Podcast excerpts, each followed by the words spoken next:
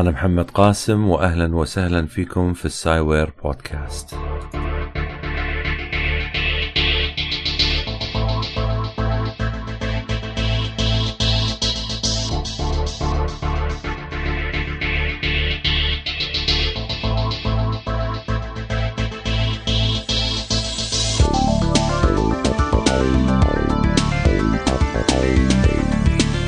البودكاست هذا راح يتناول العلم والتكنولوجيا.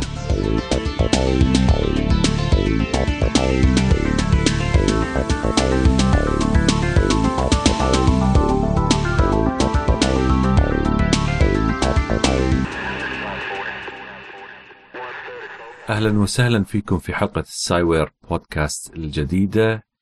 في الأسابيع الماضية تحدثت عن مواضيع كثيرة. لكن ما شملت فيها أي أخبار. لذلك في هذا الأسبوع راح أتكلم عن أخبار متفرقة. راح أتكلم عن اكتشافات جديدة سواء كانت عن الفقاعات وطريقة فرقعتها وأيضا عن تقليد ألوان الفراش في العملات حتى يصعب تزويرها وعن الآيفون الجديد وعن حذاء يعود إلى خمسة آلاف سنة وعن كرة القدم لكأس العالم سنة 2010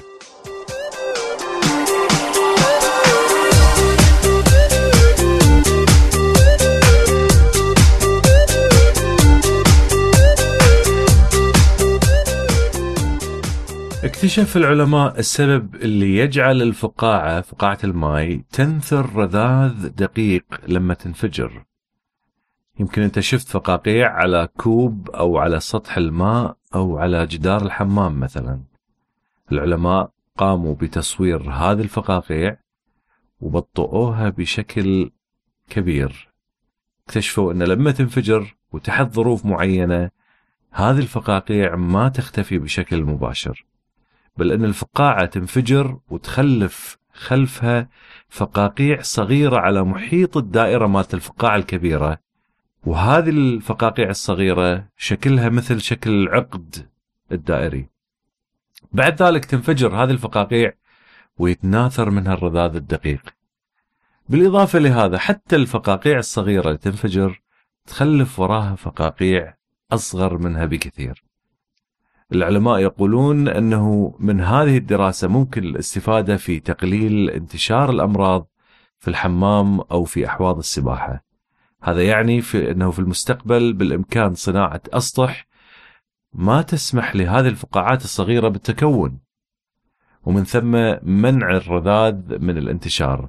نشرت هذه الدراسة في مجلة النيتشر.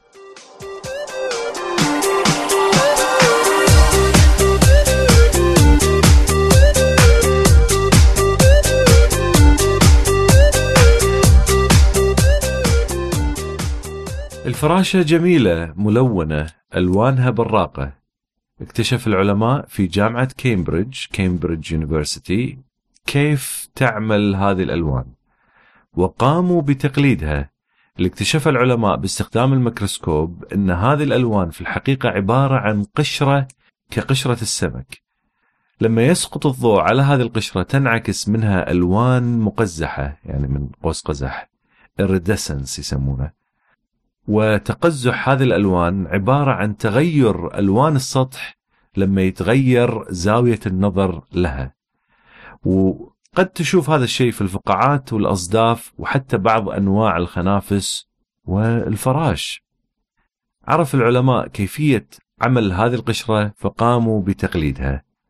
اكتشفوا أن البنية لهذه القشور تشبه إلى حد كبير شكل كرتون البيض كرتون البيض عنده منخفضات ومرتفعات وطبعا يختلف هذا الشيء لما تنظر يعني للألوان هذه تنظر لما تنظر لها باستخدام الميكروسكوب.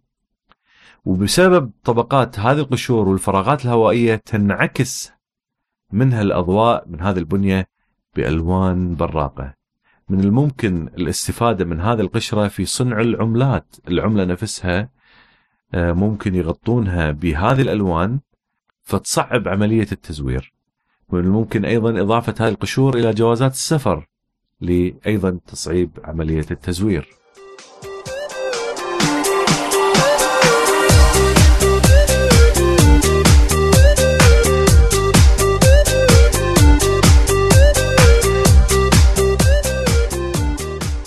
okay قبل أيام أعلن عن ال iPhone 4 الجديد iPhone 4 اللي طور بشكل أكبر من الآيفونات السابقة بالإضافة إلى التطورات اللي راح تجي مع النظام الجديد اللي يسمونه آي أو إس 4 أو آي أو إس 4 مثل تعدد المهام multitasking في الوقت الحالي لما تشغل برنامج وتبي تنتقل من هذا البرنامج إلى برنامج آخر لازم تغلق الأول وتشغل الثاني. إغلاق البرنامج يعني إنه يتوقف عن العمل.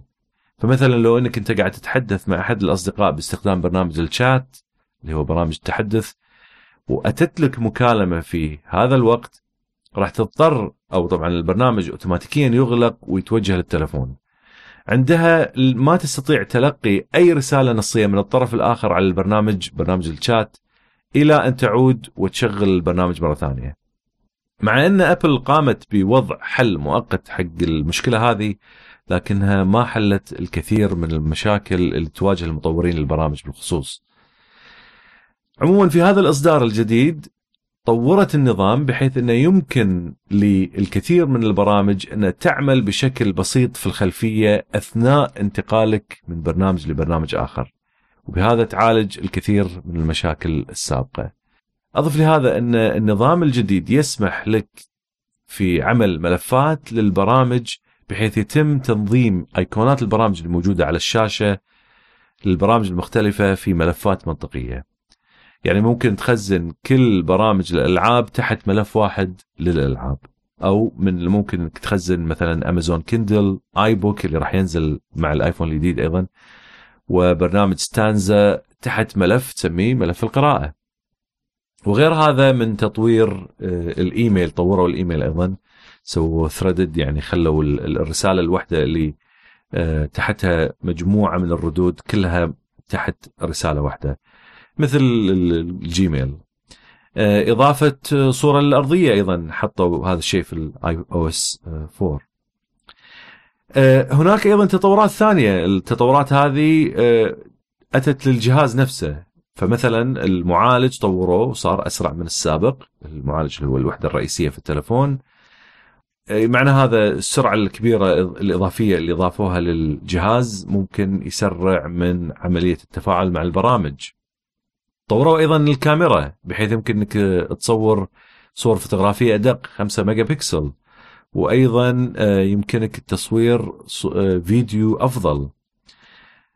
وشركة الأبل أيضا أضافت كاميرا أمامية بحيث يمكنك استخدامها للتخاطب باستخدام الفيديو. بالإضافة إلى هذا طوروا عدد النقاط اللي موجودة على الشاشة. أصبح عدد النقاط اللي موجود على الشاشة هو 960 في 640 أو 640 في 960 ويعتبر عدد النقاط هذه أكثر من أي عدد نقاط موجودة لأي شاشة لتلفون ذكي في السوق حاليا. وسموا هذا الشيء هالدقة هذه في الشاشة بشاشة الشبكية شبكية العين. Retina Display أكبر عدد من الانتقادات وجهوها لشركة ال Apple بسبب هذه النقطة بالذات ليش؟ لأن Apple ادعت أن هذا هالشاشة هذه بالنظر إلى هالشاشة لا يمكن تمييز نقطة من أخرى حتى تصبح الكتابة على الشاشة واضحة إلى حد كبير الفكرة أنه شنو؟ أنه كلما كانت النقاط صغيرة يصعب عليك تمييزها من يعني النقطه من النقطة الأخرى. فمثلا الآيفون الجديد يحتوي على 326 نقطة لكل إنش أو يعني الإنش طبعا يعتبر 2.5 سنتيمتر تقريبا. هذا يسمونه 326 dpi. يعني عدد النقاط اللي موجودة في الإنش الواحد هي 326 نقطة. وهذه كثافة عالية من النقاط في إنش واحد. فلو تنظر إلى الشاشة هذه على بعد 12 إنش ما تستطيع إنك تميز نقطة من الأخرى. لكن ريموند سونيرا بروفيسور بالفيزياء النظرية ورئيس شركة DisplayMate Technologies يقول إن يحتاج أن تكون عدد النقاط لكل إنش هو 447 DPI حتى لا يستطيع الشخص أن يميز النقطة من الأخرى. ف 326 مو كافي لأنك ما تميز. فرد على ريموند سونيرا آه، شخص من مجلة ال Discovery يقول إنه حتى يميز شخص النقاط اللي هم إذا كان 326 DPI لازم يكون نظره جدا حاد. يعني ذلك إن الشخص العادي ما يستطيع التمييز بالنسبة ل 326 فصاير نوع من الحرب بين الاثنين وصار عدد من الردود كثيرة على هالموضوع من عدة شركات آه، سواء آه، طبعا ضد أو مع هذه الفكرة. لكن في المحصلة النهائية الدعاية القوية اللي ولدتها شركة الأبل نجحت إلى أبعد الحدود. طبعا أنا عندي مشكلة واحدة في شرائي لهذا التلفون هو إنه يحتاج إلى ال micro SIM، ال micro SIM عبارة عن شنو؟ عبارة عن الكرت شريحة التلفون السم الصغيرة اللي توضع داخل التلفون، الشريحة الحالية اللي تمتلكها في تلفونك الخاص ما تستطيع إنك تدخلها داخل ال iPhone 4 لذلك أنا من الممكن إني أشغل هذا التلفون في بريطانيا في وجودي هنا لكن لما أرجع للكويت إن شاء الله هذه الشريحة حسب معلوماتي غير متوفرة حاليا يمكن تتوفر في المستقبل لكن الشريحة التلفون العادية ما أستطيع إني أشغلها على ال iPhone الجديد. ومعنى ذلك إن تلفوني أو ال iPhone راح يتحول إلى iPod ما راح أستطيع استخدام المكالمات okay في طبعا شروحات لطريقة تقصيص الشريحة حتى يتناسب مع التلفون وهذا الشيء أنا قريته وأيضا أحد الأصدقاء أو آه، أحد الأشخاص اللي موجودين على آه، الفيسبوك آه، أرسل لي رسالة بلغني عن تقصيص الشريحة وموجود لها شروحات على اليوتيوب حسب كلام الشخص اللي أرسل رسالة ما أذكر منه. لكن يظل هذا آه، بعيد عن المستخدم العادي للتلفون. المستخدم العادي ما يعرف يعني أو ما مو بالضرورة يعرف حتى يعني ما مو بالضرورة يكون عنده استعداد إنه يقصص ال... يقطع الحواشي مالت السم كارد هذه ويدخلها داخل التلفون. فممكن يكون سهل على البعض لكن الكثير راح يصعب عليه آه، عمل هذا الشيء. وبالخصوص أنا ما أدري راح أسوي هذا الشيء ولا لا. يبين بعدين. ممكن أشتري التلفون وأسوي عليه يوتيوب كليب. يبين بعدين.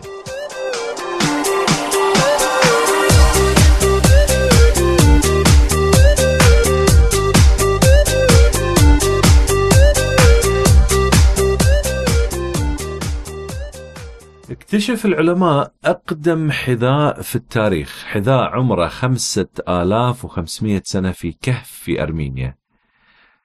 هذا الحذاء مصنوع من جلد البقر. العلماء طبعا علماء الآثار وجدوا حذاء وليس نعال لأن أقدم نعال يعود إلى بين 7000 إلى 9000 سنة. هذا الحذاء جلد يحيط بالقدم من الأسفل إلى الأعلى وفي رباط يربط جانبي الجلد من الأعلى مثل أحذية الرياضة الحالية. يمر هذا الرباط بفتحات في الجلد ويجر أطراف الجلد حتى تغلق على بعضها البعض. ويعتقد أن هذا الحذاء كان لامرأة وإن كان قد لبس رجل آه، أيضا. داخل الحذاء كان موجود قش والاعتقاد أنه قد يكون هذا القش حماية من البرد أو للإبقاء على شكل حذاء مثل في الأحذية الحديثة الحين لما يحطون فيها قوالب بحيث تمسك الحذاء وتحافظ على شكله. حتى يتم معرفة عمر الحذاء قام العلماء علماء الآثار بقطع قطعتين من الجلد. واحدة بعثت لجامعة أكسفورد والثانية لجامعة كاليفورنيا. وأيضا بعثوا مع هالقطع هذه قطعة من القش اللي داخل الحذاء واكتشفوا من خلال تأريخ الكربوني carbon dating أن عمر القطع مع القش متساوية اللي هي 5500 سنة.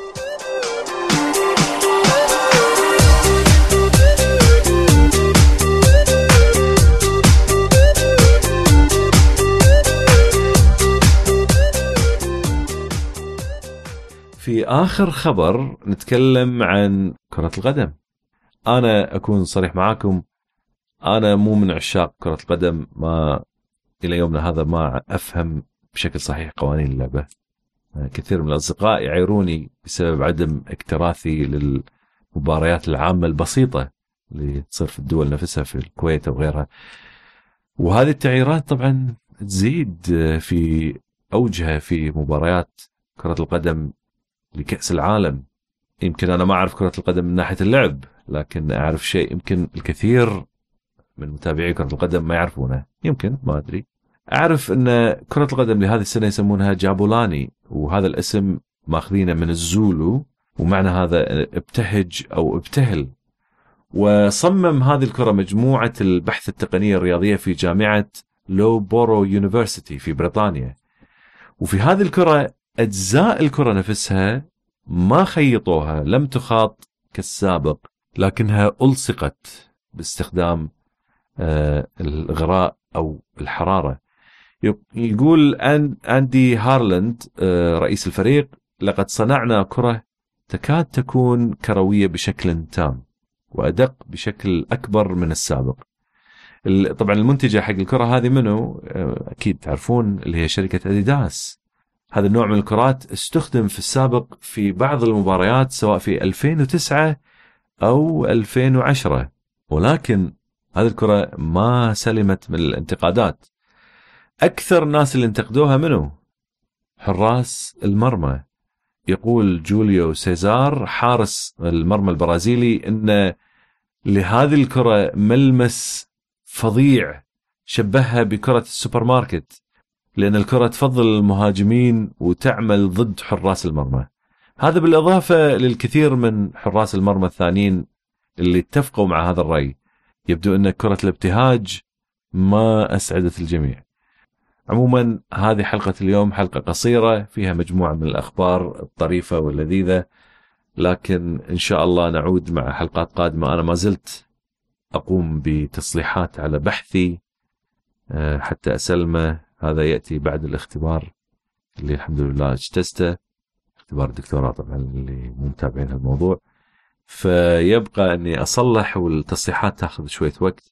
لذلك آه، كانت الحلقة نوعا ما قصيرة وما تحتوي على موضوع محدد واضح لكن إن شاء الله نعود معكم مع المواضيع بعد ما انتهي من الكتابة بشكل كامل. يعطيكم العافية وأكلمكم الأسبوع القادم إن شاء الله.